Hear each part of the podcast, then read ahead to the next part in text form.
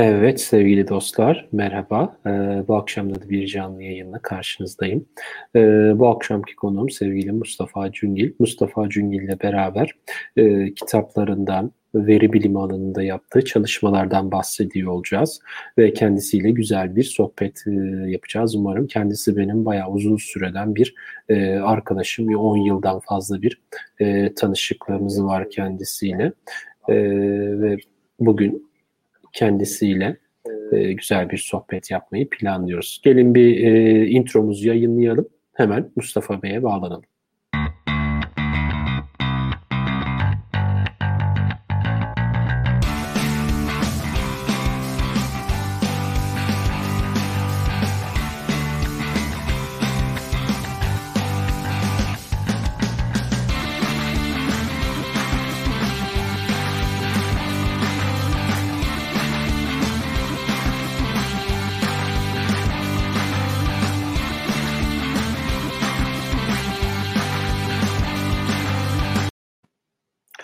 Evet. Mustafa Hocam hoş geldin.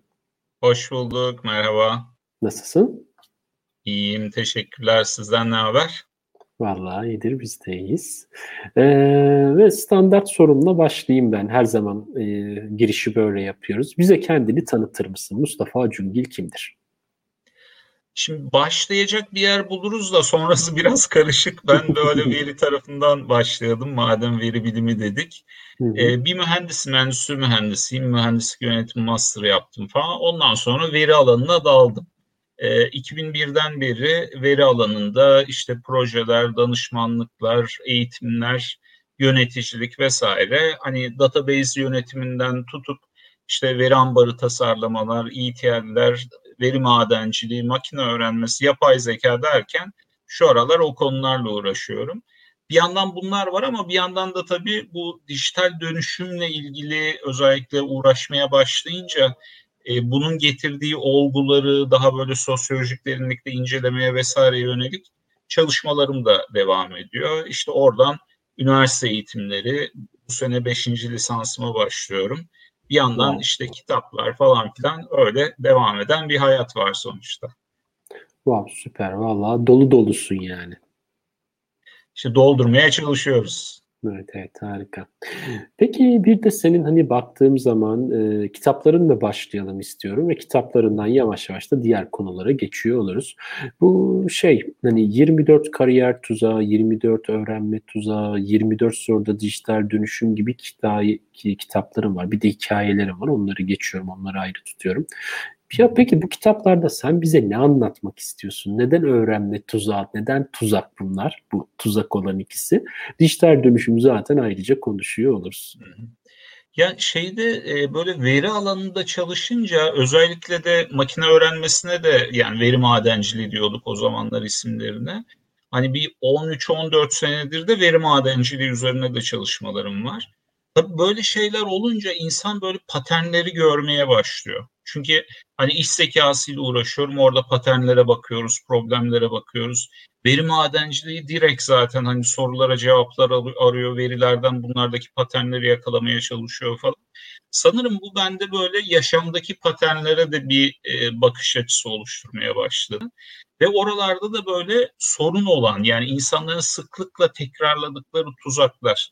Hani şey gibi database performance tuning'de falan hani e, küçük de olsa sık görülen bir hatayı yakalayıp düzelttiğin zaman etkisi yüksek olur ya. Tabii. Dolayısıyla böyle ortak hatalar, sıklıkla düşülen hatalar onlara odaklanma durumu oluştu.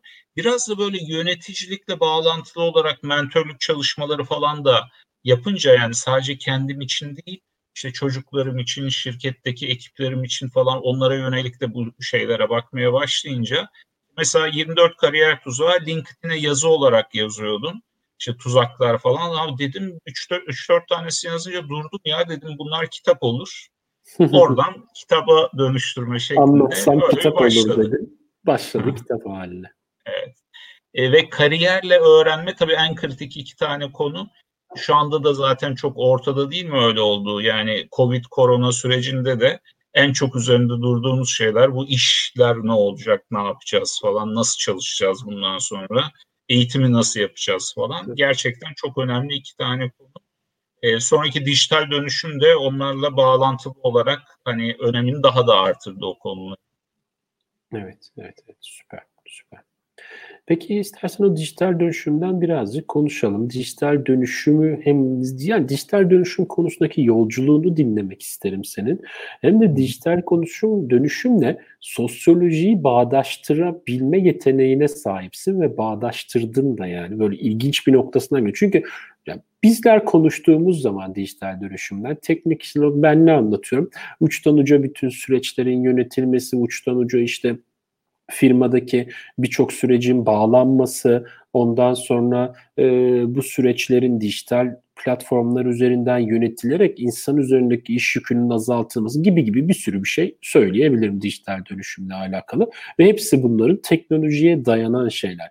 Sen ama sosyoloji tarafıyla da ilgileniyorsun bunun. O konuyu biraz açabilir miyiz? Yani nedir dijital dönüşümün sosyolojisi? Hı hı. E, biraz kendim nasıl buralarla uğraşmaya başladım. Oradan bağlayarak bu soruya da cevaplayayım. E, şimdi ben endüstri, e, endüstri mühendisiyim. Üstüne mühendislik yönetimi master yaptım ve veri alanında çalışmaya başladım. Şimdi buralar gayet teknik olarak giden konular. E, veri alanında da bayağı bir yoğun çalışmam oldu. Yani database'inden iş zekasına falan kadar 20 yıllık bir veri kariyerim var. Ama böyle dönüp de 2 yıl aralıklarla baktığım zaman yaptığım iş çok farklı. Yani hani iki, bir yıl belki biraz benzerliği var ama ikişer yıl arayla baktığım zaman aslında aynı alanda, aynı sektörde çalışıyor olduğum halde yaptığım işin içeriği, niteliği, hitap ettiği kitle, yapısı falan ciddi anlamda dönüşüyor. Zaten dijital dönüşümü mümkün kılan en önemli değişimlerden bir tanesi veri alanındaki değişimler, dönüşümlerde. Dolayısıyla teknik yaşam olarak bu dönüşümün zaten içinde oldum. İşte zaten e, işimde hani database performansı falan gibi konulardan işte iş zekasına, e, veri ambarlarına, oradan veri madenciliğine, makine öğrenmesine, yapay zekaya doğru evrildi. Dolayısıyla bu dönüşümü aslında bizzat içinden yaşamış oldum teknik anlamda önemli bir yönüyle. İşte zaten 24 soruda dijital dönüşüm kitabında böyle temel kavramları giriş niteliğinde insanların anlayabileceği şekilde anlatan bir kitap olarak ortaya çıktı bunları yaşarken bir yandan da okumaya yazmaya çok meraklı olduğum için yani hem çok kitap okuyorum çeşitli şeylerden, ekollerden, çeşitli kategorilerden hem de bir yandan üniversite eğitimlerim de devam etti. İşte sosyoloji lisansı okudum, bitirdim.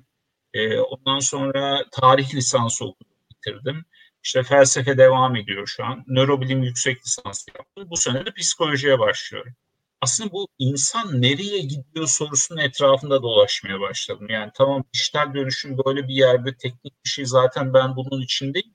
Ama aslında ne oluyor, bunun etkileri nasıl diye sosyoloji ve tarih perspektifinden bakma şansım oldu. O da e, şunu gösterdi bana. Dijital dönüşüm dediğimiz şey teknik bir olgu olmaktan, e, insanları sadece teknolojik olarak etkilemekten çok daha öte bir şey olmaya başladığını gördüm. Yani bir sosyolojik olgu haline geldiğini artık. Yani sadece teknik olarak bir şeyleri yapabilmek, hayatımızın biraz değişmesi, dönüşmesi çok daha köklü bir e, burada yapının olduğu, değişimin olduğunu gördüm. Bunun üzerine olaya sosyoloji açısından bakmaya başladım ve biraz tarihi olguları inceledim. Acaba tarihte bu tür dönüşümler olmuş mu? Bu tür dönüşümler olduğu zaman ne zaman etkilemiş, yani ne zaman olmuş, nasıl etkilemiş diye. Çok ilginç, böyle 200 bin yıllık insanlık tarihinde yaklaşık, yani işte Homo sapiens'e baktığımız zaman 70 bin ila 300 bin yıl arası diye tahminleniyor tarihi.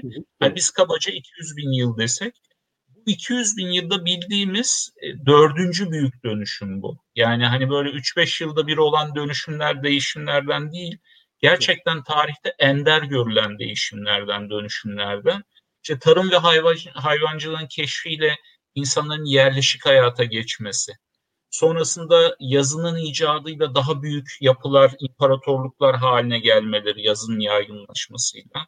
E, ardından bu enerji tipi dönüşümlerin keşfi, bilimsel devrimle sanayi toplumunun ortaya çıkması.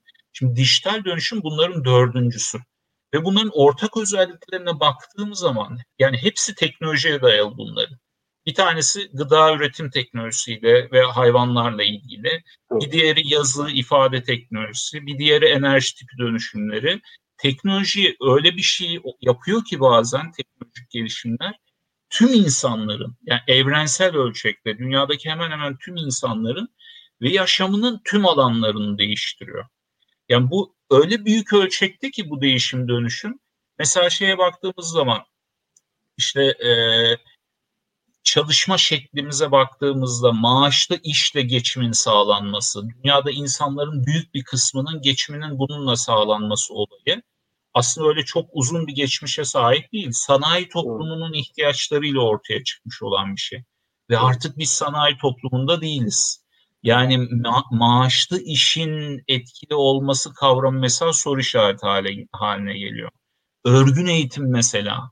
Örgün eğitim sanayi toplumunun bir yapısı ve dijitalleşmeyle beraber bir şey aslında. Yani şu anki bizim örgün eğitim dediğimiz şey sanayi toplumunun birazcık daha öncesi askeri düzen, askeri eğitimle de Aynen. biraz bağdaştırıcı bir sistem. Doğal olarak e, artık asker toplumları da değiliz. Yani 1820'li yıllarda Prusya'da ortaya çıkmış olan bir şey ve ulus devleti oluşturmak için yani Alman prensiplerinden ulus devlete dönüşmeyi e, tetikleyen bir şey. Tam olarak da sanayi tipi toplumun ihtiyaçları için. Yani asker vatandaş, işçi vatandaş e, birbirinin aynı, tornanın dişleri gibi olan vatandaşlar, e, çarkın dişleri gibi olan vatandaşlar yetiştirmek için olan sistemler. Şu anda hiç öyle çarkın dişleri falan işimizi görecek gibi değil. Yeni dünya bambaşka bir dünya.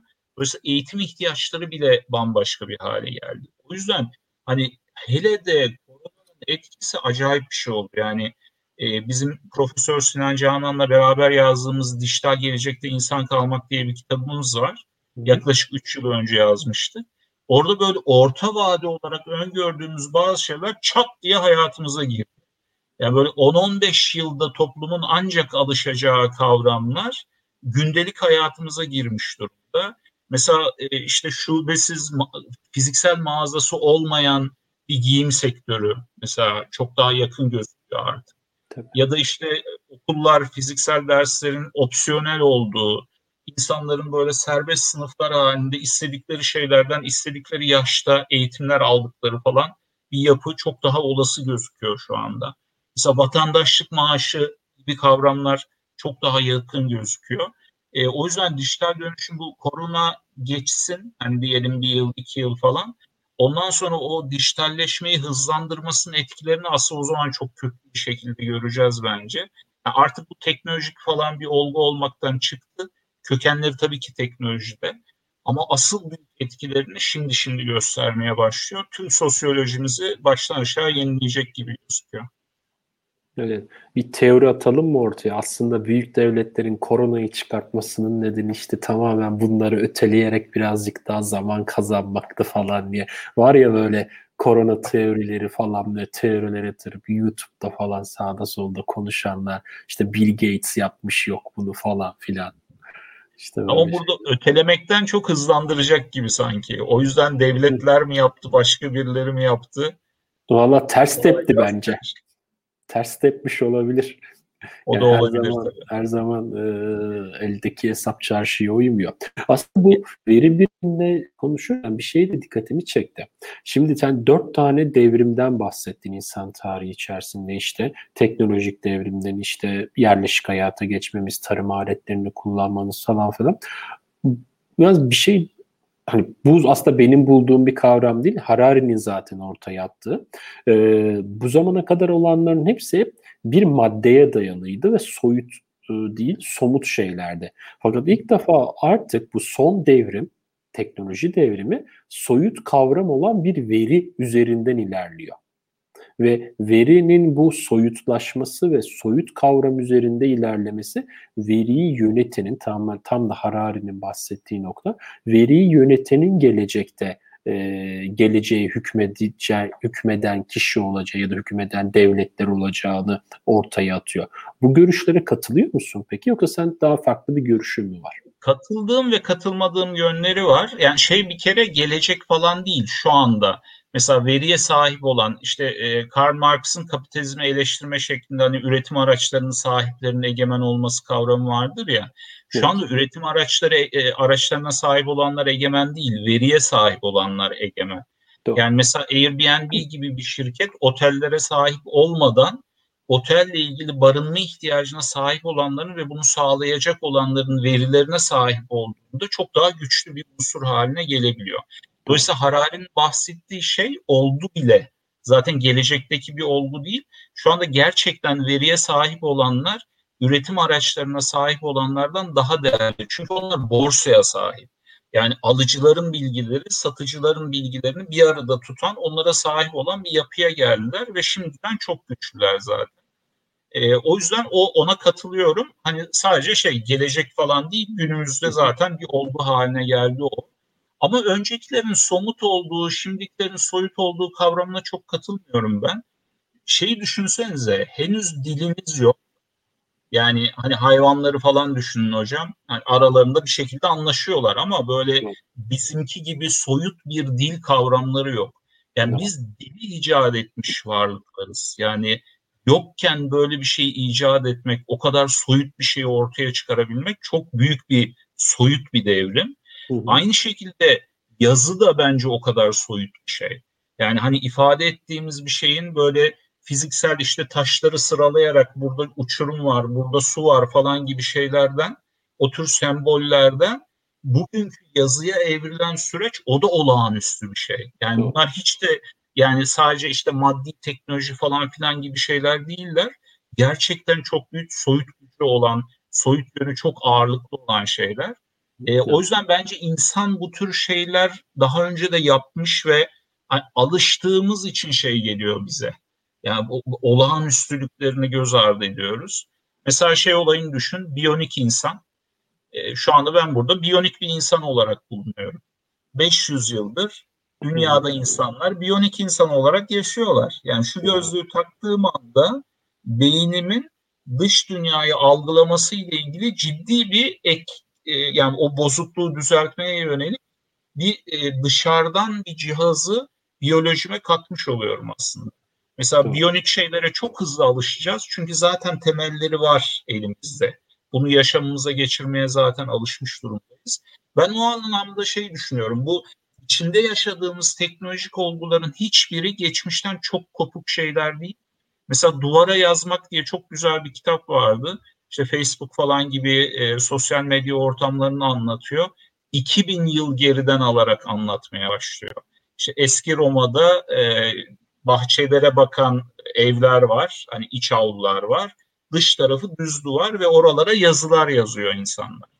Oradan başlayıp aslında kullandığınız pek çok kavramın temellerinin eski kullanımlarda nasıl olduğunu gösteriyor. Ölçek çok büyüdü ama tabii. Yani hani ölçek akıl almaz bir şekilde büyüdü. Uzaya çıkmadan e, bu ölçekle başa çıkabilmemizin pek mümkün olduğunu düşünmüyorum. Doğru. Doğru diyorsun. Doğru diyorsun. Evet hadi istersen bu bölümde birazcık da şey sorulara da bakalım. Ee, sondan başlayarak e, başlamak istiyorum sorulara. Bir LinkedIn, LinkedIn user'ı e, diyor ki dijital dönüşümde bilgi online üzerinden kolay ulaşılabilir olduğu için kitap yazmak riskli değil mi? Kitaplarınız satış, kitaplarınız ve satış istediğiniz hedefe ulaştı mı? diye bir soru var. Yani üçüncü baskıyı gören kitaplarım var, altıncı baskıyı gören kitabım var. Yani bir şeyler oluyor ama bir yandan da aslında yayın dünyasının hızı da dijital dünyaya yeterince adapte değil. Ben mesela şu anda online yapıyorum üretimlerimi. Yani iki tane kitap setim var. Ee, bir tanesi böyle daha sosyolojik vesaire konularla ilgili, teknik konularla ilgili. Hibrit Dünyada İnsan diye bir kitap seti olarak. Bir, biri de Kitapla Kaplı Tepe diye. O da daha çok edebi, felsefi falan üretimlerimle ilgili. Bunları online olarak, pdf olarak yayınlıyorum şu anda.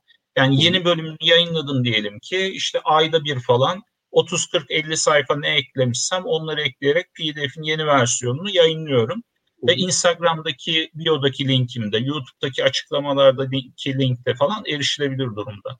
Yani evet. ben şu an bir şeyi toparlayıp yayınladığım anda dünyanın herhangi bir yerinden 4 milyara yakın hızlı internet bağlantısı olan insanlardan herhangi biri tıklayıp aynı dakika içerisinde onu okumaya başlayabiliyor. Böyle bir dünyadayız. E, buradaki linkte de var bu kitapların e, şeyleri. Özden işte. Bu buradan bütün içeriğe erişebiliriz evet. Yani dolayısıyla şey artık fiziksel kitap basmak o da biraz geride kalıyor aslında. Bir kitabın yayınlanması için işte tamamlayıp bitirmek falan bunlar böyle biraz geçmişte kalıyor. Üretimin içine çok daha fazla insanın yani okurların da girmesi, dahil olması, karşılıklı etkileşimlerin mümkün olduğu bir dünyadayız. Bir yandan da ekonomi dediğimiz, parasal kazanım dediğimiz kavramların da dijital dönüşümden sonra yeniden bir değerlendirilmesi gerekiyor. Çünkü e, dijital üzerinden dönen pek çok hizmet hiçbir parasal bedeli olmadan dönüyor. Ama buralarda aslında değer üretiliyor. Yani insanlar buradan fayda sağlıyorlar, fayda üretiyorlar ve bunun ekonomideki karşılığı şu an ölçülmüyor bile. O yüzden de aslında ekonomi bilimi de sanayi toplumunun ekonomi bilimi şu anda. Onların da yeniden yapılanması gerekiyor. İnsanlar sadece para kazanmak için yapmıyorlar yaptıkları pek işi. Hatta hayatımızın önemli kısımlarını verdiğimiz pek çok şeyden hiçbir şekilde para kazanmıyoruz, para harcamıyoruz. E, para alışverişi olmadan başka bir takım alışverişler dönüyor aslında. Dijital de bunu çok e, artırdı. Oralarda yeniden konuşulacak konular arasında bence. Evet, evet. Peki bir sorumuz daha var sevgili Ercüment'ten. Türkiye'de CDP, CDP diyerek sanıyorum e, Customer Data Platformu kastediyor. Nasıl görüyorsunuz? E, herhalde bu veri birimiyle alakalı CDP'yi kastediyor e, Ercüment. Yani şey tabii Türkiye'de veri tutma ile ilgili kavramlarda önemli gelişmeler yaşandı seneler boyunca. Ee, yani ben bir sürü dönüşümün hızlı bir şekilde yaygınlaşmasını gördüm. Mesela 2005'ten itibaren veri ambarlarının oluşması, işte iş zekası platformlarının oluşması bir hayli hızlandı, yaygınlaştı. 2008'den itibaren e, bu e, raporlama sistemlerinin iş birimleri tarafından da kullanılabilir olan versiyonları hızlı bir şekilde yaygınlaştı. Şu an mesela bulut adaptasyon, e, sonra işte CRM gibi bir takım şeylerin yaygınlaşması, uygulamaların yaygınlaşması vesaire. E, bunların çeşitli bakımlardan e, fena bir durumda olmadığı görülebiliyor ama her yerde aynı durumda değil. Yani şey gibi dünyada şu an orta çağla ileri teknoloji çağını yan yana nasıl yaşıyorsak ülkeden ülkeye ülkelerin içindeki şehirlerin arasında, şehirlerin içindeki şirketlerin arasında çok farklı seviyeler söz konusu olabiliyor. E, bence güzel çalışmalar yapan kurumlar ve insanlar var. E, epeyce bilgi birikimi var. E, ama tabii önemli sorunlar da var. E, özellikle bence şey de çok buralarda. Hani yerel veriye sahiplik, global veri sahiplerinin arasındaki durumlar falan. Mesela diyelim ki ben otomobilimi süren bir insanım oradaki üretilen veri e, anlık olarak saniyelik veriler üretiliyor orada ve arabalar tutabiliyor bunları şu anda bir yerlere de gönderebiliyor. Şimdi bu veri aracın üreticisine mi ait, ithalatını yapan firmaya mı ait, e, kiralayan filo e, sahibi olan yere mi ait, kiralamış olan şirkete mi ait, kullanan insana mı ait? Yani buralarda çok karışık olgular var daha bayağı bir fırın ekmek yememiz gerekiyor bu konularda. Sadece Türkiye'de değil dünyada da bence buradaki veri sahipliği, kullanım şekli falan gibi konularda e, önemli sorunlar var. Mesela Netflix'teki e, işte Social Dilemma diye geçiyordu galiba değil mi? Çok enteresan bir belgesel var. Geçenlerde gördüm izledim. de ben izlemedim. Ben daha izlemedim. Yani bir tek, bir tek şeyi hani Google şunu bunu herkese anlatmış bunlarda neler oluyor falan ama Netflix hiç geçmiyor. Kesinlikle. Yani işte yani o tüm verilerimize sahip kaçıncı saniyeye kadar izledik, kaç kere yeniden izledik falan. O, o, onun hiç bahsi geçmiyor. O bayağı dikkatimi çekti. Tabii tabii. Ee, çok da çakallar tabii o konuda. Kendilerini ayırıyorlar. Peki e, konuyu birazcık da değiştirmek istiyorum aslında. Şöyle değişik değişik hani sürekli soruları değişik şekilde tutarak böyle aktif tutmaya çalışacağım gidişatı. Ee, biraz önceki hani kariyer tuzağından bahsettik ya senin kitabından 24 kariyer tuzağı.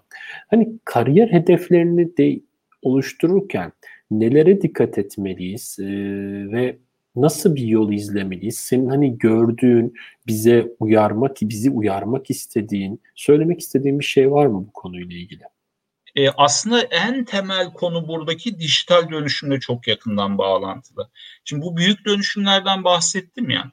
Bu evet. büyük dönüşümlerin ortak bir yönü ortalama insanın bunlarda mahvolması. Yani hani mesela sanayi toplumu şu anda bize büyük bir refah sağlamış durumda. Hani geçmişte padişahların hayal edemeyeceği lükslere sahibiz ortalama bir insan olarak. Ama sanayi toplumunun ilk başında o tarım toplumunun hani e, imparatorluklarda tarıma ve ticarete dayalı olan ekonominin çöküp işte sanayiye dayalı ekonomiye geçiş sürecinin yaşandığı dönemde insanlar açlıktan kırıldı. Yani büyük kitlesel göçler yaşandı. Çok e, yani mesela İngiltere'de o Charles Dickens zamanlarındaki şartlar çok korkunçtu yani. İnsanlar e, üç kuruş maaşa e, köleden beter bir yaşam tarzı sürüyorlardı. Zaten kölelik o yüzden kalktı. Çünkü zaten maaşlı çalışanlarla köle sahibi olmaktan daha ucuza bir takım şeyleri elde etmek mümkün olabiliyordu falan. E, o yüzden bu tür dönüşümlerde şeye çok dikkat etmeli. Ortalama insan ne olup bittiğini o kadar algılayamayan, geçmişten gelen şartlarla devam etmeye çalışan insandır. Ama bu geçmişten gelen şartlar artık çalışmıyor. Mesela Türkiye şartlarında işte e, çocuğum iyi bir okuldan mezun olsun, aman İngilizceyi iyi öğrensin. Şu anda ikisinin de çok bir anlamı yok. Yaşamdaki başarıyla doğrudan bir korelasyonları yok. Hele de böyle yani Babel Switch tak kulaklığı istediğin dille konuş günleri gelmeye başlıyor. O zaman ne anlamı olacak bir dil biliyor olmanın falan. E, o yüzden e, burada çok kritik nokta bizim sanayi toplumunun gereklerine göre eğitilmiş insanlar olmamız. Özellikle başarılı bir eğitim almış olanlar daha büyük bir şekilde bu tuzağın içindeler. Biz hep şey öğreniyoruz. Çerçeve belli. Bana verilsin çerçeve, o çerçeveyi doldurayım. Yani okulda seneden seneye müfredat, sınavda bunlar çıkacak şöyle böyle orada öyle yönlendiriliyoruz. İş hayatında da işte bunlar senin e, KPI'ların bunları yaparsan şöyle bir e, ödüller alırsın, primler alırsın falan. Halbuki artık çerçeve falan yok. Şirketler iki ay sonrasını göremiyor durumdalar. İnsanlar kendi geleceklerini kendileri tasarlamak durumundalar. Yani evet. aslında kendi çerçevelerini oluşturup o çerçeveye doğru nasıl ilerleyeceklerini keşfetmeleri gerekiyor. İşte benim zaten YouTube kanalımın adı Mustafa Cüngil Çevik Yaşam. Çevik Yaşam diye Ecai'den yola çıkarak geliştirdiğim bir yaşam metodolojisi var kariyeri yönetirken bence kesinlikle çevik yaşam ilkelerine göre yönetmeleri gerekli insanların. Bırakın 10 yıl sonra geçerli olacak meslekler 2 ay sonra ne olacağını kimse bilmiyor. O yüzden bu belirsiz geleceğe her an hazır olabilmek için yeteneklerimize, yetkinliklerimize esnek bir şekilde odaklanabilmek, kendi çerçevemizi oluşturmak çok kritik. Yani birilerinin reçetesiyle hareket etmeye devam edersek e, çok parlak bir geleceğimiz olmayacaktır. Ne kariyerde ne de hiçbir yerde. Doğru, doğru. Yani evet, e, kariyer hedefleri önemli. Ben bile aslında bu yayınları yapmam benim bile kendi kariyer hedeflerimle alakalı bir noktaya adım adım adım adım ilerlememle alakalı bir konu. Yavaş yavaş yavaş yavaş gün ve gün ay ve ay bunlara doğru ilerliyoruz. Ya, adım adım. Sen yine öncülerdensin hocam. Orada girişimcilik hani daha girişimcilik zorunlu olmadan önce girişimci olan bir şeyler yapan bir insansın. Tabii tabii. Hani tabii. şimdi zorunlu olarak insanlar girişimci olmaya doğru, doğru. gidiyor.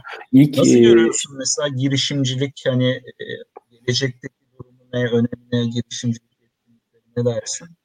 Valla şey yani e, çok haklısın. Hani girişimcilik Türkiye'de adı startup, girişimcilik, startup ekosistemi, melek yatırımcılar falan filan böyle şeyleri biz Türkiye'de bilmezken ben 26 yaşında daha genç bir delikanlıyken ilk şirketimi kurmuş, ortamda böyle ilk şirketimizi kurmuş ve e, bu yola baş koymuştuk. E, çok şükür doğru zamanda doğru yerde olup doğru şeyler yaptığımız için de hani e, bir yerlere geldik o dönem içerisinde. O dönemin şartlarına uygun bir şekilde aç kalmadık, açıkta kalmadık. Kimseye muhtaç da olmadan kendi işimizde e, sektör iş şey iş yaptığımız sektörde ismimiz bilinen kişiler olarak işlerimizi yaptık ki bu o zaman için bu yeterliydi. Ve bu kadar yapmak yeterliydi. Daha sonrasında neler çıktı? Daha sonrasında artık bu bir şeye yaramaz oldu.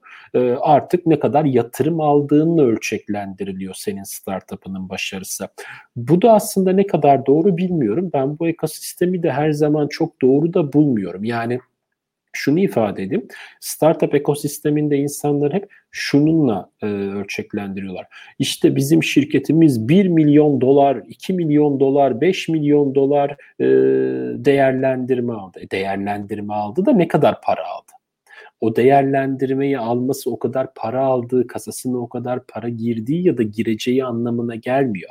Startup ekosisteminin içerisinde dışarıya bu şekilde yansıtılıyor ama aslında orada şirketin %10'unu, 20'sini, 50'sini neyse bir fiyata satıyorlar. Onun değerlendirmesi aslında o 1 milyon pound değerlendirme aldıysa %10 ortak olduysa şirkete aslında verdiği para sadece 100 bin pound. İngiltere'de olduğum için pound'u söylüyorum.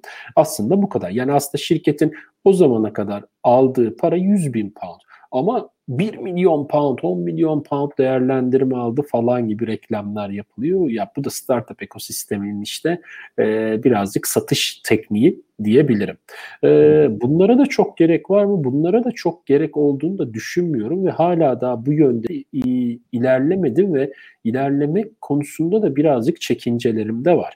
Yani benim de kendi içerisinde kendimin finanse ettiği 2-3 tane startup var. Şu anda kendimiz finanse ediyoruz ve hiç yatırımcı arayışına da girmedik ama galiba biz de gireceğiz artık bir noktada bilmiyorum. Yani onu zaman gösterir ona bir şey demiyorum ama yani e, o ekosistemdeki o fayda edici e, oradan gelecek olan parayı faydalı bir şekilde değerlendirebileceğimizi düşündüğümüz anda evet o sisteme girebiliriz.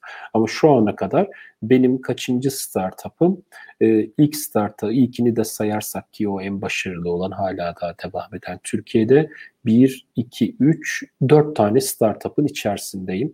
E, 4 tane startup birbirini besler bir şekilde e, ilerliyor. Genel olarak e, temelinde hepsi yazılım tabanlı çözümler, yazılım tabanlı danışmanlık hizmetleri ve kendi ürettiğimiz yazılımlar ama startup ekosisteminde e, biz de böyle kendi çapımızda bir şeyler yapıyoruz. Yani 26 yaşımdan beridir e, o ekosistemin içerisindeyim e, ve koşturmacalı bir şey. İşte biraz şey olacak artık. Yani sen gönüllü, severek hani biraz karakterine uygun olduğu için, beklentilerine uygun olduğu için bunu yaptın belki. Doğru. Ama önümüzde öyle bir dönem geliyor ki yani Zoraki Kahraman diye bir film vardı belki görmüşsündür çok evet, eski. Evet hatırlıyorum. Dustin evet. Hoffman oynadı galiba.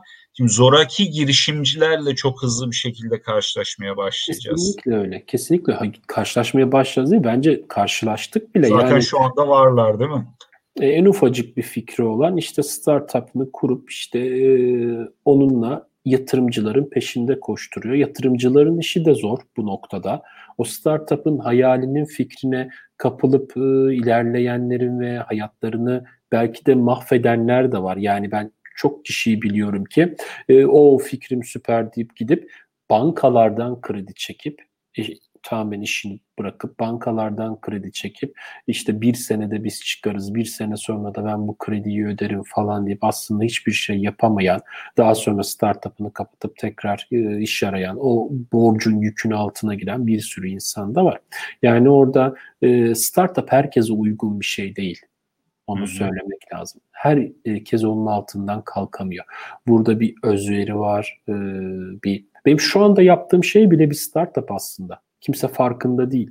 Ben e, sen bu yayının 12 bu tarz yayınlar iki tane yayınım var benim. 12. falan işte e, konuğumsun. 12-13. E, bu bile bir startup. Bir şekilde başlıyor ufak ufak ufak ufak adımlarla yavaş yavaş yüksele yüksele bir yerlere gidecek. Yani bunu kaldırabilmek önemli. Bunun altında durabilmek önemli. Her her hafta iki tane canlı yayını bile e, şey ayarlayabilmek ayrı bir iş. Bunu kaldırabilmek önemli. Startup'ın yükünün yükü çok fazla. Onu kaldıramayanlar beceremiyor işte. Dijital dönüşümün sosyolojik etkilerinin çok net bir örneği de burada var aslında. Yani düşün bundan 10 yıl önce canlı yayın ayarlamak falan böyle canlı yayın arabaları bilmem neler falan böyle milyon dolarlık yatırımlarla kurulan şirketlerin yapabileceği şeylerdi. Şu an baya böyle cepten ufak tefek yatırımlarla e, böyle internet bağlantısı artı birkaç abonelikle falan çatır çatır hani eskiden böyle büyük kanalların falan yapabildiği programları yapabilmesi mümkün hale geldi insanların. Bakar mısın yani yazılar geçebiliyor. görüp ilerleyebilenler tabii şey çok enteresan noktalara gelebilirler. Doğru, doğru. Aynen, aynen. İşte işte ben de onlardan biri olmaya çalışıyorum işte bu e, canlı yayın startup'ımla. bu şekilde ifade edeyim. Peki tamam bunları da geçtik. Sana birazcık daha farklı sorular sorayım. Ee, sence de bu yüzyılın kaybedenleri öğrenmeyi bilmeyenler mi olacak? Çünkü benim hani e, birçok konuğumu buraya aldığım zaman yaptığım konuşmalardan yola çıkarak gördüğüm şey şu ki öğrenmeyi öğrenmek hiçbir okulda okumasak dahi, hiç lise diplomasına bile sahip olsak e, en önemli beceri kriterlerinden bir tanesi. Ve ben aslında şir kendi adıma konuşayım gene. E, şirkete alacağım insanlarda bile, çalışanlarımızda bile her zaman için öğrenmeyi, öğrenebilme yeteneğini sorgulayıcı sorular soruyorum ki ilk görüşmede ve onu anlamaya çalışıyorum. Nereden geliyor bu bilgi? Sen bu şunu biliyorsun ama nereden biliyorsun? Okulda mı öğrendin? Lisede mi öğrendin? Kendin mi araştırarak buldun? Kendin araştırdıysan ne zaman araştırdın? Nerede araştırdın? Nasıl bu bilgiyi elde ettin? Ve e, ve birçok zamanda şirkete çok üst düzey e, kişileri almak değil, mümkün olduğunca daha yeni 2 yıllık, 3 yıllık deneyimi olan kişileri almaya çalışıyorum ki öğrenmeyi öğrenebilen kişilerse bunlar zaten 10 yıllık deneyimli kişi kadar e, verim elde edebiliyoruz. Ben bunun böyle bir faydasını gördüm. Sence bu doğru bir yol mu? Sen bu konu üzerinde ne demek istersin? Biraz kavramları deşerek yine haklı gördüğüm yönler var ama yanlış kullandığımız kavramlar da var burada. Hı hı. Mesela öğrenmeyi öğretmek falan ne haddimize? Yani aslında bir bebeğin dil öğrenmesini düşünecek olursan hocam yani etrafında böyle bula bula bula bula bir şeyler söyleyen birileri var. O bula bula bulaların kelime aralıklarını istatistiksel çıkarımla öğreniyor önce. Yani bunların hangileri ayrı kelime? Bunlardan sık geçenleri algılamaya başlıyor. Bunların anlamlarını algılamaya başlıyor. Ana dilimizdeki kelimelerin kaçını sözlükten öğrendik? Yani doğrudan çevremizden algılayarak falan öğreniyoruz. Ya aslında insan bir öğrenme makinesi olarak geliyor. Ve Kesinlikle. beyni de çok değişken. Hani öğrenme dediğimiz şey aslında beyin plastisitesi, plastisitesi esnekliğiyle de alakalı. Donanımız donanımımız değişiyor resmen öğrenirken. Yani bir yeni alışkanlık edinirken nöronlar yeni bir pet oluşturuyorlar, orayı güçlendiriyorlar falan. O yüzden aslında acayip öğrenme makineleriyiz ama bunu eğitim sistemiyle gömüyoruz. Yani önce aileler başlıyor. işte merakı söndürmeye başlıyorlar. Neden neden neden diye soran çocuklardan bıkıyorlar. Onlardan yılıyorlar. Onları susturmaya çalışıyorlar falan. Okula gidiyoruz. Orada öğrenmeyi de eğlenmeyi birbirinden ayırıyorlar. Diyorlar ki burası ders, burası ciddi bir yer. 40 dakika put gibi oturacaksın. Teneffüse sadece 10 dakika ayırıyorlar öğrenme, keyif birbirinden ayrılıyor falan. Ya aslında biz doğal halimizle öğrenmeyi çok iyi bilen ve öğrenmeyi oyunla birleştiren, keyifle öğrenen varlıklarız. Ama bunu işte bozuyoruz eğitim sistemimiz vesaireyle. Niye boz, bozuyoruz? Aslında bozmamızın da bir sebebi var. Çünkü sanayi toplumunda işte çarkın eşlisi olan insanlar yetiştirmeye ihtiyacımız vardı. O yüzden de böyle kendi kendine öğrenen, sorgulayan, kafası çalışan insanlar pek işimize yaramıyordu. O sebeple aslında bozulmuş bir alışkanlık. Yani o yüzden de ben böyle öğrenmeyi öğrenmek değil de öğrenmeyi yeniden hatırlamış insanlar değil. Yani hani bu eğitim sisteminden az zarar görmüş ya da gördüğü zararı bir şekilde kendisi telafi etmiş, öğrenmeyi yeniden öğrenmiş insanlar çok değerli. Çünkü mevcut kalıplar işe yaramayacak. Mesela makine öğrenmesiyle geleceği tahmin edebilirsiniz ama paternler aynı kaldığı zaman, görece aynı kaldığı zaman geleceği tahmin edersiniz. Korona gibi böyle her şeyi sıfırlayan, paternleri alt üst eden, yepyeni paternler ortaya çıkaran bir şey ortaya çıktığı zaman makine öğrenmesi falan geleceği tahminleyemez. Dolayısıyla geçmiş paternler geçerliliğini koruyorsa onları ezberlemiş olan insanlar işe yarar. Ama geçmiş paternlerin geçerliği ortadan kalkmışsa, yeni paternlerin ne olacağı henüz belli değilse ve o paternler yeni oluşuyor durumdaysa o zaman böyle bir şeyi dört başı mamur öğrenip iyice mükemmel hıfz edip onu uygulayacak kişiler değil, az bilgiyle sonuç alabilen, yaparken öğrenebilen, öğrenirken icat edebilen, keşif yoluyla öğrenen, var olmayan bilgiyi öğrenen insanlar o zaman değerli. İşte yani bu yine senin dediğin yere çıkıyor ama hı hı. biraz böyle dolanarak söylemiş oldum. Çünkü okullarla ilgili bu durum benim bayağı bir şey e, önemli bir e, yara gibi hissediyorum kendimde de. Çok başarılı bir öğrenciydim ama bunun acısını e, çektim bayağı. E, o yüzden de o oraya bir vurgu yapmakta fayda var. Yani tabii ki çok keyifli, güzel işler yapan öğretmenler var. Çok güzel örnek olan rehberlik yapan öğretmenler var. Onları tenzih ederim ama e, örgün öğretim günümüzün problemlerinin önemli bir kaynağı aslında. Doğru, doğru. Kesinlikle öyle, kesinlikle öyle. Yani artık e, bence gelecek 15-20 yılda göreceğimiz şeylerden bir tanesi e, bireye özel eğitimler ve bunlar tamamen bir bireyin tek olduğu ya da toplu sınıflarda e, belli bir konu ama sadece o konuya ilgi duyanların, o konudan anlayanların ilerlediği ve özelde de sürekli uzaktan işte böyle bilgisayar ortamı, yayınlarla falan bireye özel eğitimlerin olacağı günleri görüyor olacağız. Bizim yaşımız görür herhalde bunları.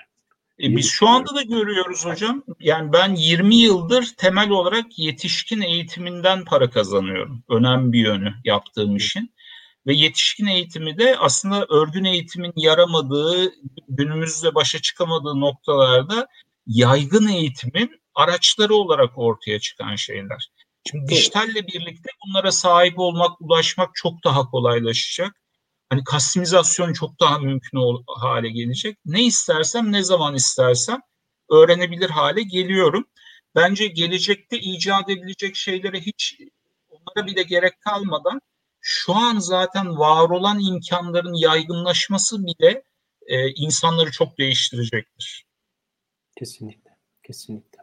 Ama ben, benim daha kastettiğim ilkokul, ortaokul seviyelerindeki ha. o şu, şu anki örgün öğretimi. Yoksa evet haklısın sonuç itibariyle sen de ben de danışman olarak danışmanlık yaptığımız konuların eğitimini veren kişiler olarak temel para kazandığımız konular evet e, Kesinlikle bunu işte diyebiliriz. Öğrencileri rahat bıraksalar, biraz böyle müfredat hafifletseler, biraz ders saatlerini azaltsalar falan. Hı hı. Meraklı olanlar kendi zamanları kalsa da biraz merak ettikleri şeyleri kendiliklerinden ilerletseler falan o güzel olabilir. Doğru. Ee, ben İngiltere'de yaşadığım için evet ben bunu buradaki eğitim sisteminde biraz böyle olduğunu söyleyebilirim. Özlem Hanım da Fransa'dan e, ortaokul seviyesinde okula giden bir oğlum var. İlk öğretim sürecini şaşırarak eşlik ettim yıllardır. İlkokulda bile her şey sor bakalım şeklinde sorgulama üzerine. Keşke bizdeki ezber sorgulamaya dönüşse. Aynen demek ki yavaş yavaş yani Avrupa'da o zaman şunu söyleyebilir miyiz? Avrupa'daki eğitim düzeni yavaş yavaş ezberci düzeyden çıkarak daha çok sorgulamaya yönelik ve daha öğret öğrenmeyi hatırlatmaya yönelik ilerliyor. Bu zaman içerisinde de Türkiye'ye ve diğer ülkelere de e, aksediyor olacak sanıyorum. Bu doğru bir bakış açısı olur şu an için. Doğru ama orada şeye de dikkat etmek lazım. Özgürlük adı altında yine bir takım e, yönlendirmeler, kalıplaşmalar vesaire söz konusu. E, bazı ülkeler bunu çok bastırarak, farkına vardırarak yapıyor. Bazı ülkeler daha tatlı tatlı, alttan alttan böyle farkına vardırmadan yaptırıyor ama hemen hemen her ülkede belirli kalıplar var aslında aktarılan. Tabii ki tabii ki tabii kesinlikle kesinlikle her ülkede alttan alttan bunlar var yani kesinlikle söyleyebiliriz. Ben şeyi çok iyi biliyorum. Rusya'da e, kesinlikle özellikle şey dönemindeyken e, so, so, sosyal Sovyeli, sosyalist Rusya dönemindeki o yıkılmadan önceki halinde e, oradaki Azerbaycan'daki ondan sonra Kazakistan'daki o diğer Türkiye Cumhuriyetlerindeki ülkelerde Türkiye Cumhuriyeti diye bir ülkenin varlığından dahi haberleri yok bir şekilde yetiştiriyorlar ki çocukları. Ve zaten yurt dışına çıkmaları biliyorsun sorunlu. O zamanın komünist Rusyasında falan. Ve e, Türkiye Cumhuriyeti diye bir cumhuriyetin olduğunu, varlığını olduğunu, farklı Türk medeni kültürlerinin olduğunu falan kesinlikle öğretmiyorlar. Yani öyle bir eğitim sistemleri var kapalı kutu. Ve e, sen Türksün diyorlar onlara. Kesinlikle Azerisin, Kazaksın demiyorlar. Sen Türksün diyorlar ama kesinlikle şeyleri yok. Birbirlerinden habersiz bir şekilde yaşıyorlar. Ki biliyorsun ki Azerbaycan'da, Kazakistan'da ve diyor o diğer ülkelerde Rus alfabesi, Kiril alfabesi her harf her bir ülkede farklı bir e, şekilde seslendiriyor. Evet. Orada Birkaç da farklı kere falan değiştirmişler hatta bazılarını. Tabii tabii birbirleri aralarında da iletişim kuramasınlar diye. Aynı dili konuşmalarına rağmen birbirleri aralarında da iletişim kuramasınlar diye böyle yapılmış durumda. Yani eğitimin işte bu e, şekilde kullanımı halinde de e, böyle sonuçlarda e, doğurabilmekte. Peki o zaman birazcık da e, öğrenmeyle ilgili bir şey daha geldi. Bakalım çocuk gelişim uzmanlık her yaşta öğrenmeyi sonuna kadar destekliyorum. Zevkli bir şey olduğunu doğruduğunuz farkına vararak güzel soru için teşekkür ederiz. Biz de teşekkür ederiz. Evet, onu evet, öğrenmeyle keyfi yeniden birleştirmek bence çok kritik bir şey. Yani Kesinlikle. oyunla, keyifle, eğlenceyle öğrenmeyi iç içe tekrar geçirmek, öğrenmekten zevk almak. Yani o, bence bu çok önemli. İşin anahtarı burada aslında. Kesinlikle, kesinlikle, kesinlikle.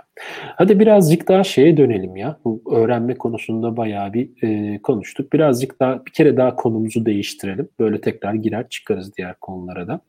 E, yani şuradan bakıyorum da e, dijital dönüşüme tekrar geri dönecek olursak dijital dönüşümde hani Türkiye'de senin açından konu nasıl ilerliyor? Yani artıları ve eksileri nelerdir Türkiye'nin dijital dönüşümde? Artıda diğer ülkeleri bilmiyorum çalıştım mı, diğer ülkelerle kıyaslama şansın oldu mu ama diğer ülkelere baktığın zaman Türkiye'deki dijital dönüşümün artıları ve eksilerini görebiliyor musun? E, ya tabii çok geniş bir karşılaştırma yapmak için bayağı bir çalışma yapmak gerekir belki ama yani yakaladığım iki tane önemli konuyu söyleyebilirim. Bir tanesi esneklik olayı. Yani Türkiye'de e, yüksek bir esneklik var. Yani hani şey e, bir yere gidersin mağazaya bir şey sorarsın yok derler mesela. Bir Türk şey sorar hemen. Hiç mi yok? Yani yeah.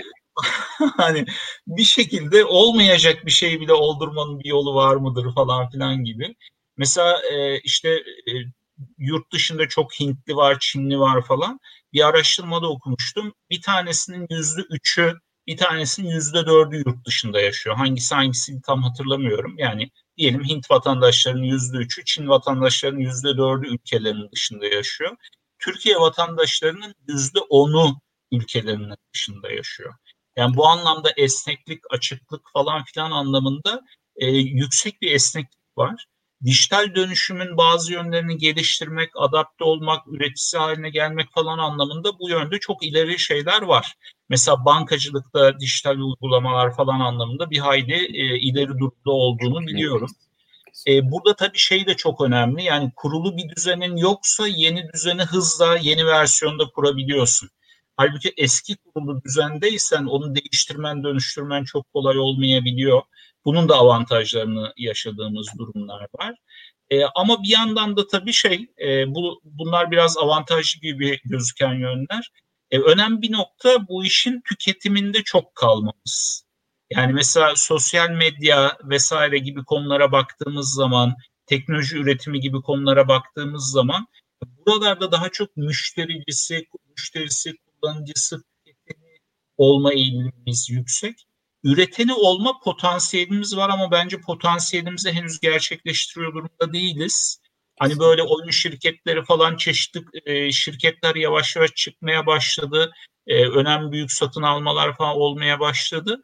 Ama bence potansiyelimiz çok daha yüksek orada. Hani o dijitalin üretimine geçen insan sayımızı, yüzdemizi artırmamız gerekiyor. Çok böyle daha çok altında kalan müşterisi olan taraftayız ne yazık ki e, orada bir eksikliğimiz olduğunu düşünüyorum. Evet, evet yani daha yani hani Türk Türkiye'den adı sanı duyulmuş bir veri tabanı söyleyemeyeceğim. Bir işletim sistemini zaten geçtim. Ondan sonra ne bileyim bir e, adı sanı duyulmuş olan e, ne bileyim bir cep telefonu şeyimiz de yok zaten. işletim sistemimiz falan. Hadi onları geçelim. Veri tabanının haricinde kod geliştirme ara birimlerimiz, altyapılarımız, sunduğumuz sanal hizmet anlamında yani develop bir şeyler geliştirmeye yönelik hali hazırda hep kullanıcıyız. İşte Microsoft olur, Oracle olur, Amazon olur, bilmem ne onların ürünlerini kullanıyoruz sürekli. Ama kendimiz bu tarz bir servis üretemiyoruz ne yazık ki. Üretsek dahi bunu e, ya bir şekilde teknoloji üreten ülke olma e, mantalitesini dışarıda e, yerleştiremedik biz. Aslında ben biraz buna bağlıyorum. Yani İngiltere'de burada gördüğüm direkt şeylerden bir tanesi Türkiye'yi teknoloji üreten bir ülke sınıfında görmüyorlar. Tüketen bir ülke sınıfında görüyorlar. İşte bu sınıf atlatmasını yaptığımız zaman, üreten noktasına geçtiğimiz zaman zaten artık iki katı değil, üç katı değil, on katı, yirmi katı hızlarla her şey devam ediyor olacak.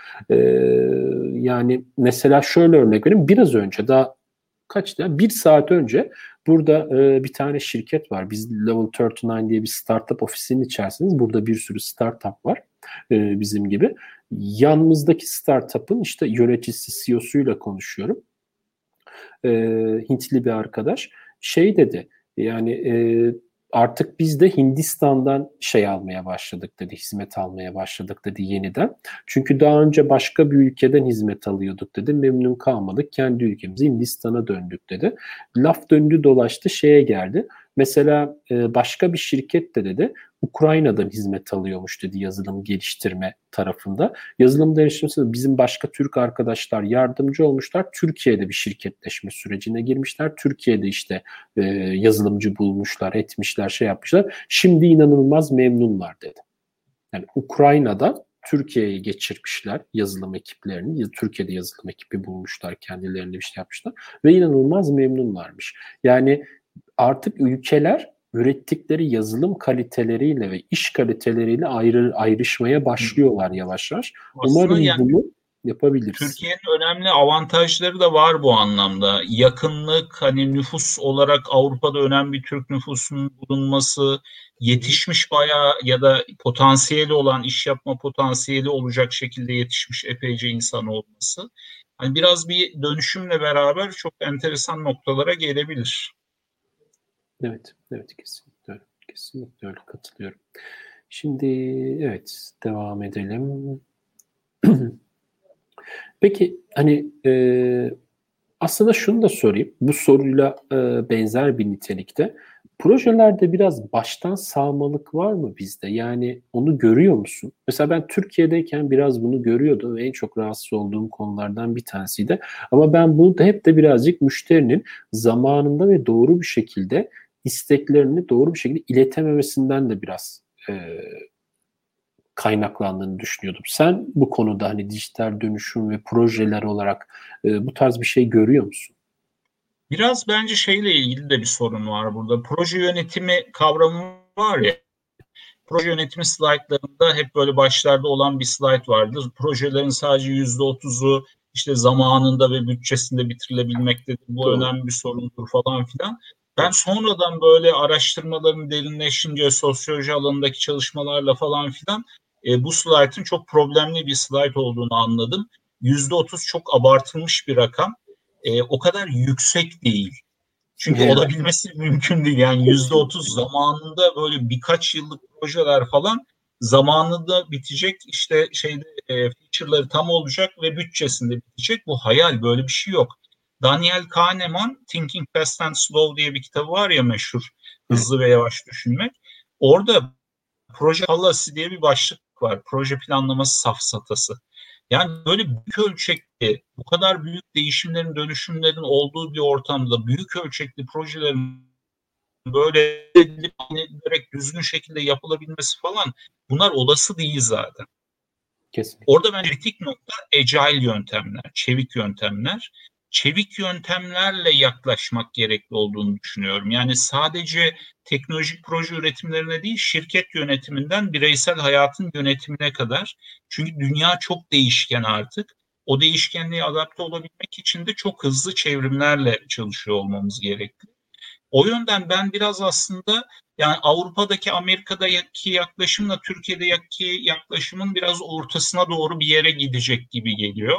Hani bizim biraz böyle bazı kurallara uymayı falan öğrenmemiz, adapte olmamız gerekiyor.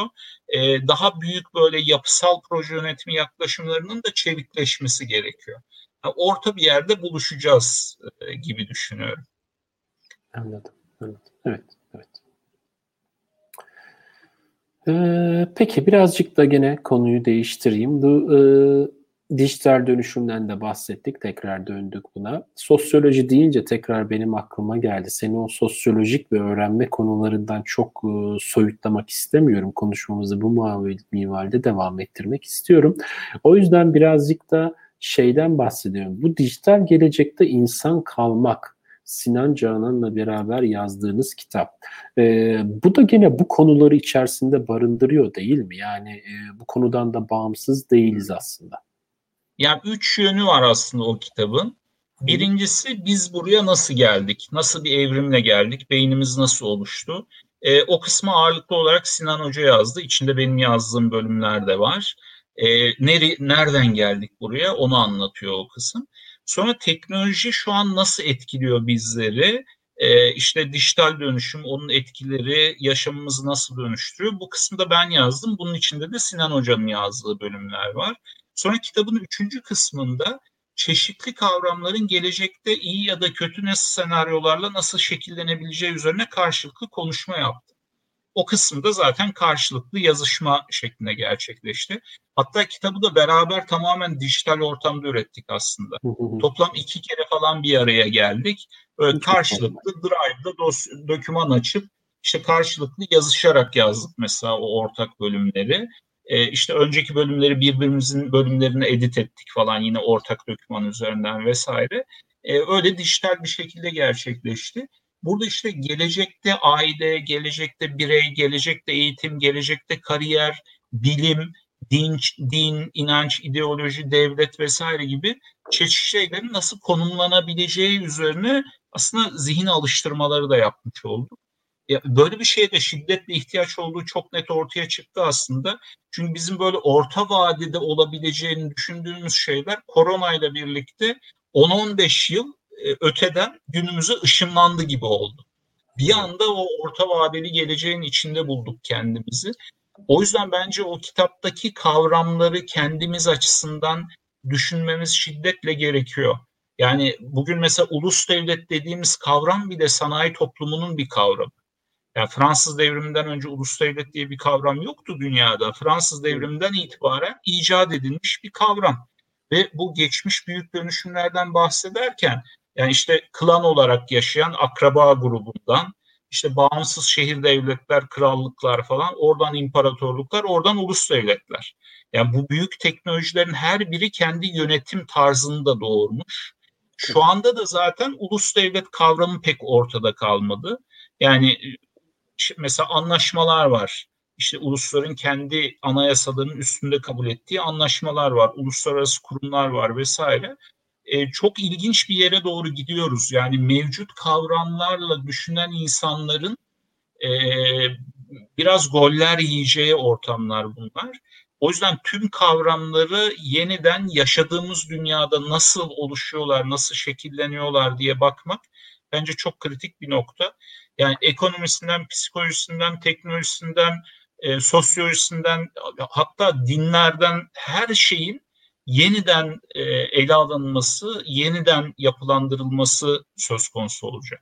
Mesela geçmişte de sanayi toplumu diyelim ki, işte sanayi toplumunun doğar, doğurduğu e, mesela protestanlık var. Protestanlıkla beraber gelişen bir şey sanayi toplumu.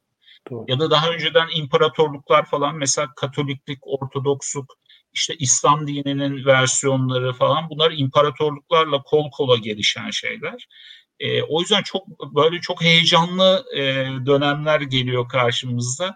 Biraz böyle kutunun dışında hatta kutuyu paramparça ederek düşünmekte fayda var. Aynen aynen. O kitap da o anlamda fayda sağlayabilir biraz zihinlerimizi açmak için.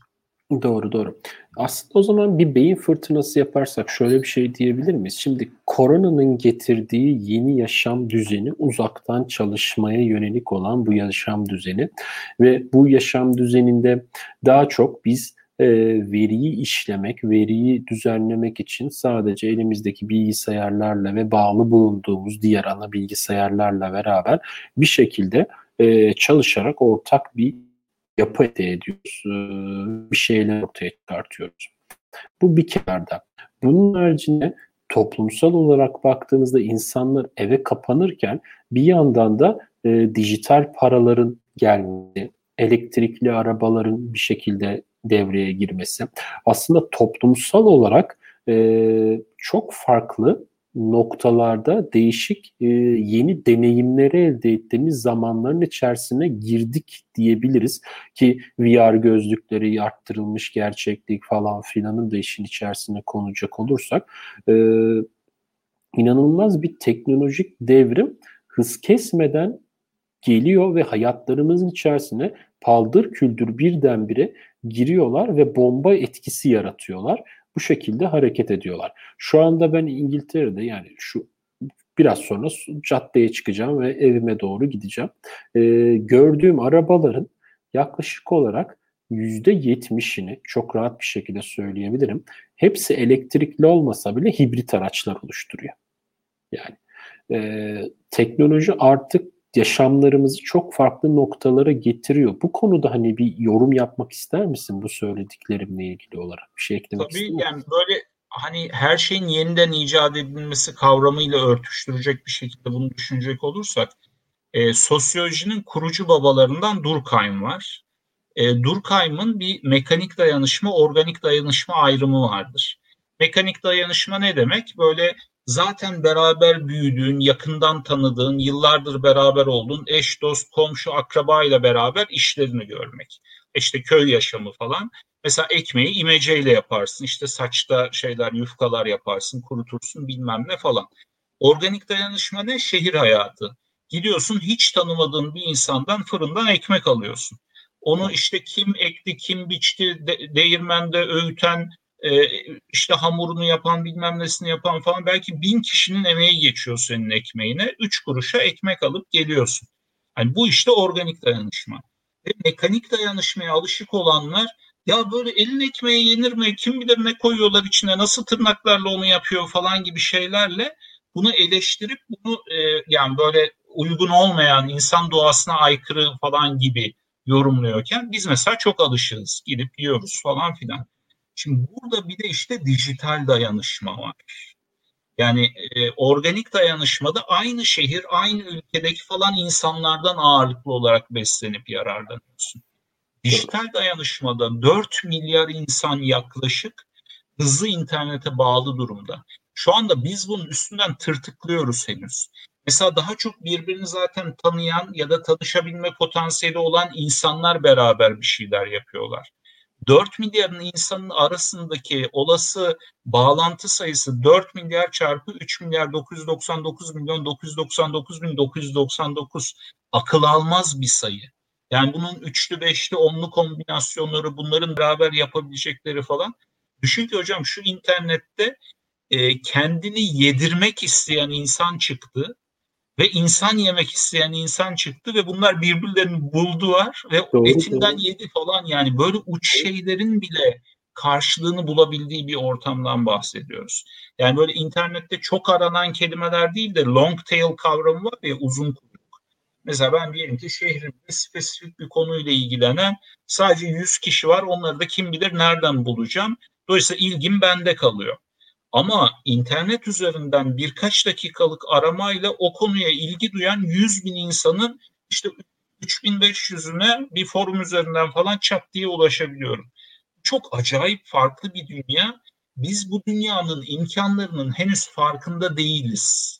Böyle uçtan uçtan daha ucundan biraz kazdık. Yani yapay zeka falan filan diyorlar ya yapay zeka da tabii ki çok önemli. Büyük veri analitiği vesaire onlar da çok önemli ama asıl acayip kritik olan şey dijital dayanışma.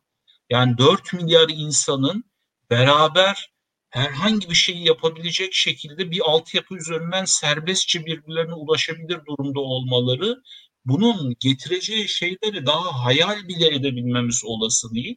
Önümüzdeki dönemlerde bu etkileri çok ciddi bir şekilde görmeye başlayacağız bence. Özellikle yeni nesil daha bunlara adapte olarak gelmeye başlayacak. Hani dijital dayanışmayla hiç görmediği, tanımadığı, bilmediği birileriyle iş yapmak, işte dayanışmanın kurallarını oluşturmak, güven ilişkilerinin kurallarını oluşturabilmek falan bunlar çözümlendiği zaman çok ilginç bir dünyaya doğru gideceğimizi düşünüyorum. Ve şey yani bunun gideri dediğim gibi yani uzaya çıkmak.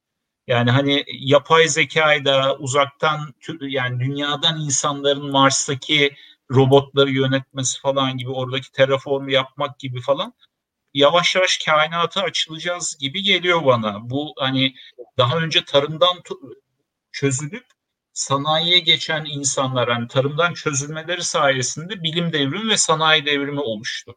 Şimdi insanlar mesaiden çözülecekler. Çünkü bu kadar insana ihtiyacımız yok artık işimizi gücümüzü yapmaları için. Otomasyonlar var, kitle kaynak kullanımı var, çeşitli şeyler var. Boşa çıkan bir sürü insan ne yapacak çok merak ediyorum.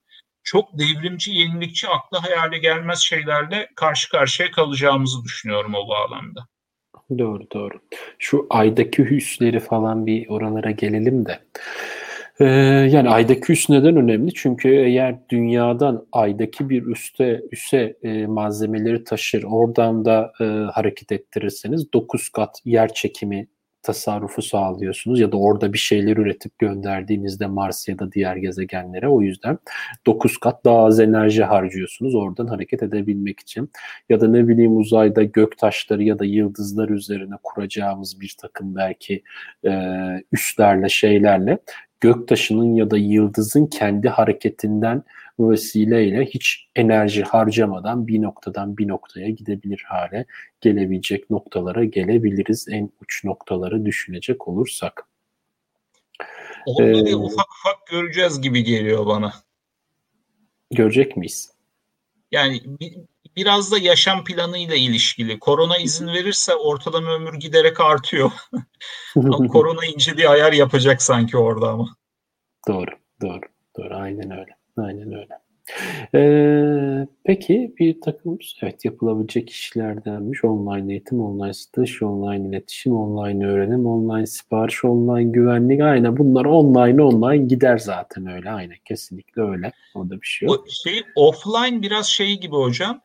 Ee, hani geçmişte şey var ya bazı topluluklar insanlar falan gettolara hapsedilmiş dijitalle bağlantılarını kuramayan insanlar da kendi gettolarına yani kendi fiziksel bedenlerine hapsolacaklar gibi geliyor bana. Hmm, doğru evet evet evet. Bu birazcık da şey gibi hani belgesellerde seyretmiştim. Japonya'da e, birkaç metrekarelik odaların içerisinde yaşayan e, hiçbir şekilde dışarıya çıkmayan, aynı zamanda yatak odası orası, işte ne bileyim e, oturma odası orası falan filan gibi bütün işlerini 1-2 metrekarelik odanın içerisinde yaşayan insanlar gibi e, bunlar tabii online'lar, dışarıya bağlılar ama senin dediğin gibi olan insanlar onların online olmayan offline olup kendini kapatmış, dış dünyadan soyutlamış versiyonları olacaklar aslında. Evet kesinlikle katılıyorum. Burada bir şey geldi ama elektrik üzerine olan ataklar diye size soru sorsam gerçekçilik. Tam işin açıkçası anlamadım. Neyi anlamadım evet, ben de. Ben pek anlayamadım. Biraz daha açık yazabilirseniz hani biz e, cevap vermeye çalışırız.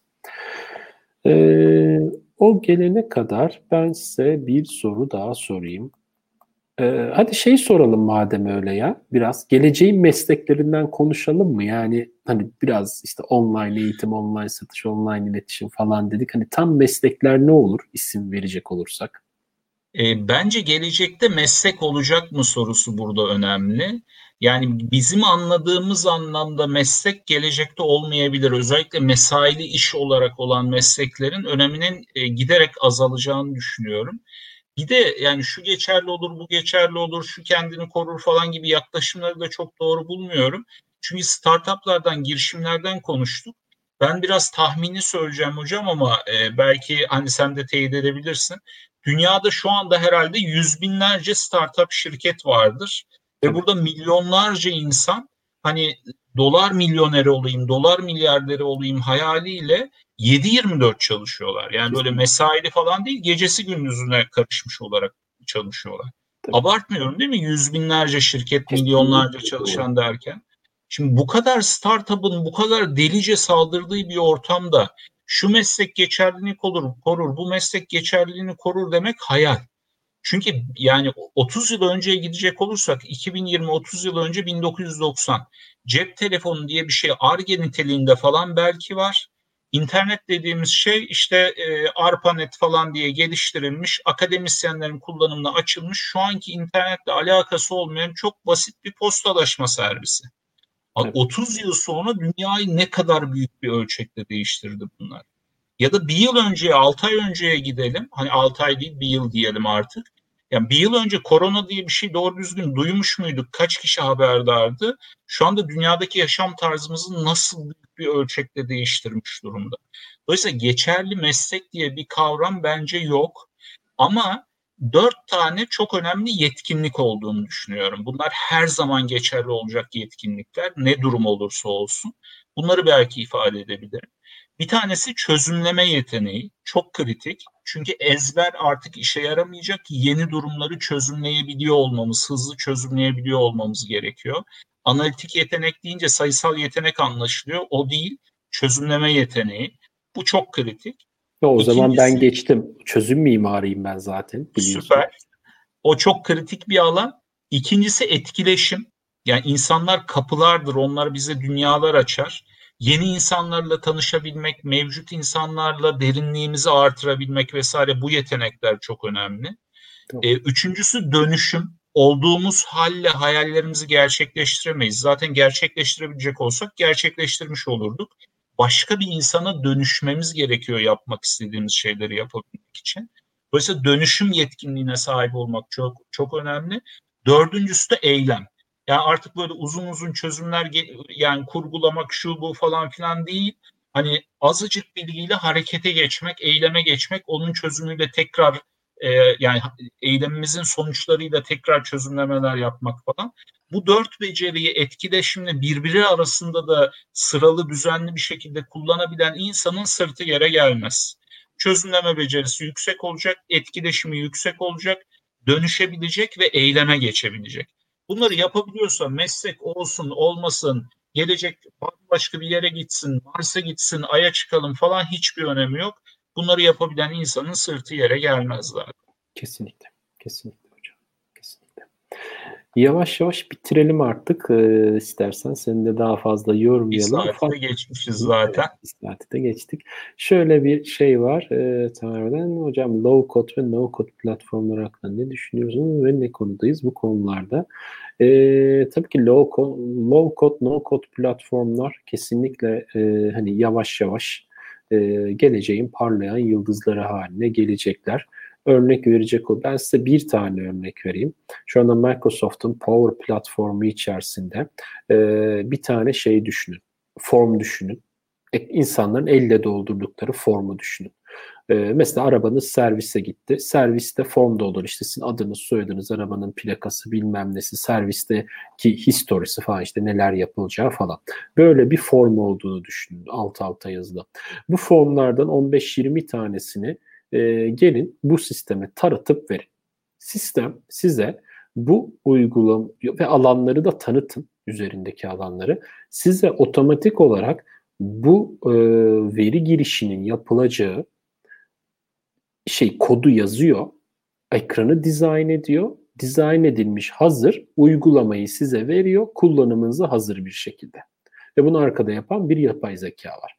Ve size eğer isterseniz bu no code, low code platformu üzerinde siz birazcık daha kodlama, e, kodlama değil de işte onun o yeteneklerini kullanarak sürükle bıraklarla kodu şey e, uygulamayı geliştirebiliyorsunuz. Yani şunu ifade edeyim. Formların 15-20 tanesini görüp üzerindeki alanların algılaması ve e, yeterli. Onun üzerinden sadece yaptığı iş o verilerin girileceği alanları size hazır koduyla beraber her şeyiyle hazırlayabiliyor. Yani o yüzden e, bu tarz platformlar kesinlikle gelecekte kullanıyor olacağımız yapılardır diyerek ben topu sana atayım hocam. Bu da zaten son şeyimiz olsun. Ben de aynı şekilde makine öğrenmesinde çok uzun zamandır işte Azure Machine Learning ortamı iş birimlerinden insanlara çatır çatır yani kod yazmayı hiç bilmeyen insanlara makine öğrenmesi modeli yapmayı öğretiyorum. Sürükle bırak, bağla, konfigür et, ayarlayla. Biraz belki TSQL bilgisi gerekiyor. Hani biraz Python öğrenseler ekstra faydası olabilir ama öğrenmeden de yapılabilir. Hani baştan sona teknik insana hiç ihtiyacı olmadan yapılabilir değil belki ama iş birimlerinden insanların çok az teknik bilgiyle çatır çatır işleriyle ilgili üretim yapabilir hale geldiklerini görüyoruz. Burada biraz bence şey IT zaten rol kapan bir şey ya. Yani insanlar evet. hani 80'den önce bilgisayar falan yoktu. Satışçı satışını, pazarlamacı pazarlamasını yapıyordu. Şimdi IT gelerek buralardan rol aslında. IT lojistik bir rol olduğu halde teknolojik okur yazarlığın olmaması sebebiyle öbür taraflarda rol kaptı. Şimdi bu bu tür platformlarla beraber iş birimlerinin yeniden kendi alanlarına daha hakim hale geldiğini görmek mümkün. Ama bir yandan da şey tabii yani tarım ve hayvancılıkta eskiden yüzde doksanı insanların o işlerle uğraşıyorken şimdi gelişmiş ülkelerde yüzde beş ona nasıl düştüyse tüm kullandığımız malları, hizmetleri şu anda insanlar yüzde seksen doksan oranında çalışarak Batı ülkelerinde falan üretiyorlarken belki yüzde yirmisinin emeğiyle yapılabilir hale gelecek. Yani bu teknolojiler öyle bir dünyayı da getiriyor. İşte o yüzden dijital dönüşüm sosyolojik bir olgu. Çünkü sadece insanların yüzde yirmisinin çalışmasıyla her işin yapılabilmesi şu anki sosyolojik kavramlarla büyük bir işsizlik ve anlamsızlık dalgasıyla karşılaşmak anlamına geliyor. Kesinlikle. O yüzden sosyolojik yapılarımızın değişmesi gerekiyor. Tabii. Tabii. E şu anda eğer arabalar sürücüsü en basit örnek arabalar sürücüsü hale gelirse taksi sürücüleri ne olacak? Bu insanlar direkt işsizler. Ve 15-20 yıl boyunca sadece taksi sürücülüğü yaparak evini, ailesini geçindiren insanlar var. En son taksiye bindiğimde taksideki arkadaş dedi ki işte 25 yıldır falan taksicilik yapıyorum. E, iki tane çocuğumu okuttum böyle. Biri Amerika'da, biri İngiltere'de yaşıyor falan demişti Türkiye'de. E şimdi bu adam kesinlikle işsiz kalacak bu otonom araçlar devreye girdiğinde. Yani e, bu durumda... Hatta belki hocam otonom araçlar devreye girmeden saatlik kiralık araçlar, gidip anahtarıyla açıp bindiğin araçlar falan onlarla bile e, olay değişebilir. Tabii tabii tabii. Yani bizim kapımızda var. Zipcar var mesela. Biz de üyeyiz buna. Saatlik aracı alıp ihtiyacımız olduğu anda e, anahtarını işte cep telefonu uygulamasıyla açıp arabanın kapılarını girip Türkiye'de de Garanta'nın yaptığı herhalde Hı. vardı bu diye. E, bunlarla işte yapabiliyorsunuz aynen öyle ve çok da uygun fiyatlara hizmet veriyorlar e, bu tarz şeyler. Yani çok fazla denişim ve dönüşüm var. Bunlara adapte olabilen, bunlarla e, yoğrulabilen, bunları anlayabilen ve bunların içerisinde bunlarla e, haşır neşir olup bunları kullanabilenler gelecekte ayakta kalacak insanlar olacak. E, hatta Microsoft'un bile sunumlarında şöyle bir şey geçiyor. Citizen Developer denen bir kavram var. Ki ben bunu e, 365 Saturday'in kariyer günlerin kariyer günü yapmışlardı. Ben orada Türkçe bir sunum yapmıştım. Orada isteyenler bulabilir onu. YouTube'a Barış Kanlıca falan yazıp bir şekilde bulursunuz. Ee, orada Citizen Developer kavramını da bahsediyordum. İşte tam da bugünkü şey. Bunlar kodlama yapmayan ama mevcut bilgisayardaki bir takım araçları kullanarak o araçlar vasıtasıyla kod yazmış gibi yazılım ya da bu tarz veri girişi yapılabilecek ekranlar dizayn edebilen insanlar demek. Ee, işte e, yani bunlar tamamen şey e, gelecekte önümüzde çıkacak. Bunları bilenler, bu citizen developer olur, diğer kavramları bir arada kullanabilen, öğrenebilen insanlar e, bayağı revaçta olacak. Diğerleri tamamen patır patır dökülecekler. Kesinlikle böyle. Bu arada eğer hocam son olarak şey yapabilirseniz Sener Bey'in bir sorusu var. Duvara yazmak kitabından bahsetmiştiniz. Bu kitabın tam adını ve yazarını öğrenebilir miyim? Hatırlıyor musun böyle bir şey? E, hatırlamıyorum. Şeyde e, benim Goodreads profilimde vardır ama e, hani biraz aramak lazım. E, merak edenler oradan Goodreads'te işte face wall falan aratırlarsa eğer zannediyorum orada bulunur. Evet. evet. Ben de şöyle bir baktım şu anda. Evet ben de şu anda göremedim. Evet. E, Goodreads'ten falan. Evet. Bakılabilir. Kesinlikle öyle. Evet hocam teşekkür ediyorum bugün için o zaman. E, ağzına sağlık, e, eline sağlık geldin. E, burada bir saatten fazla neredeyse bir buçuk saat konuştuk, sohbet ettik. Çok teşekkür ediyorum bugün katıldığın ben için. Ben teşekkür ederim. Çok keyifli bir sohbet oldu. Çok teşekkürler. Tekrar görüşmek üzere. Görüşmek üzere.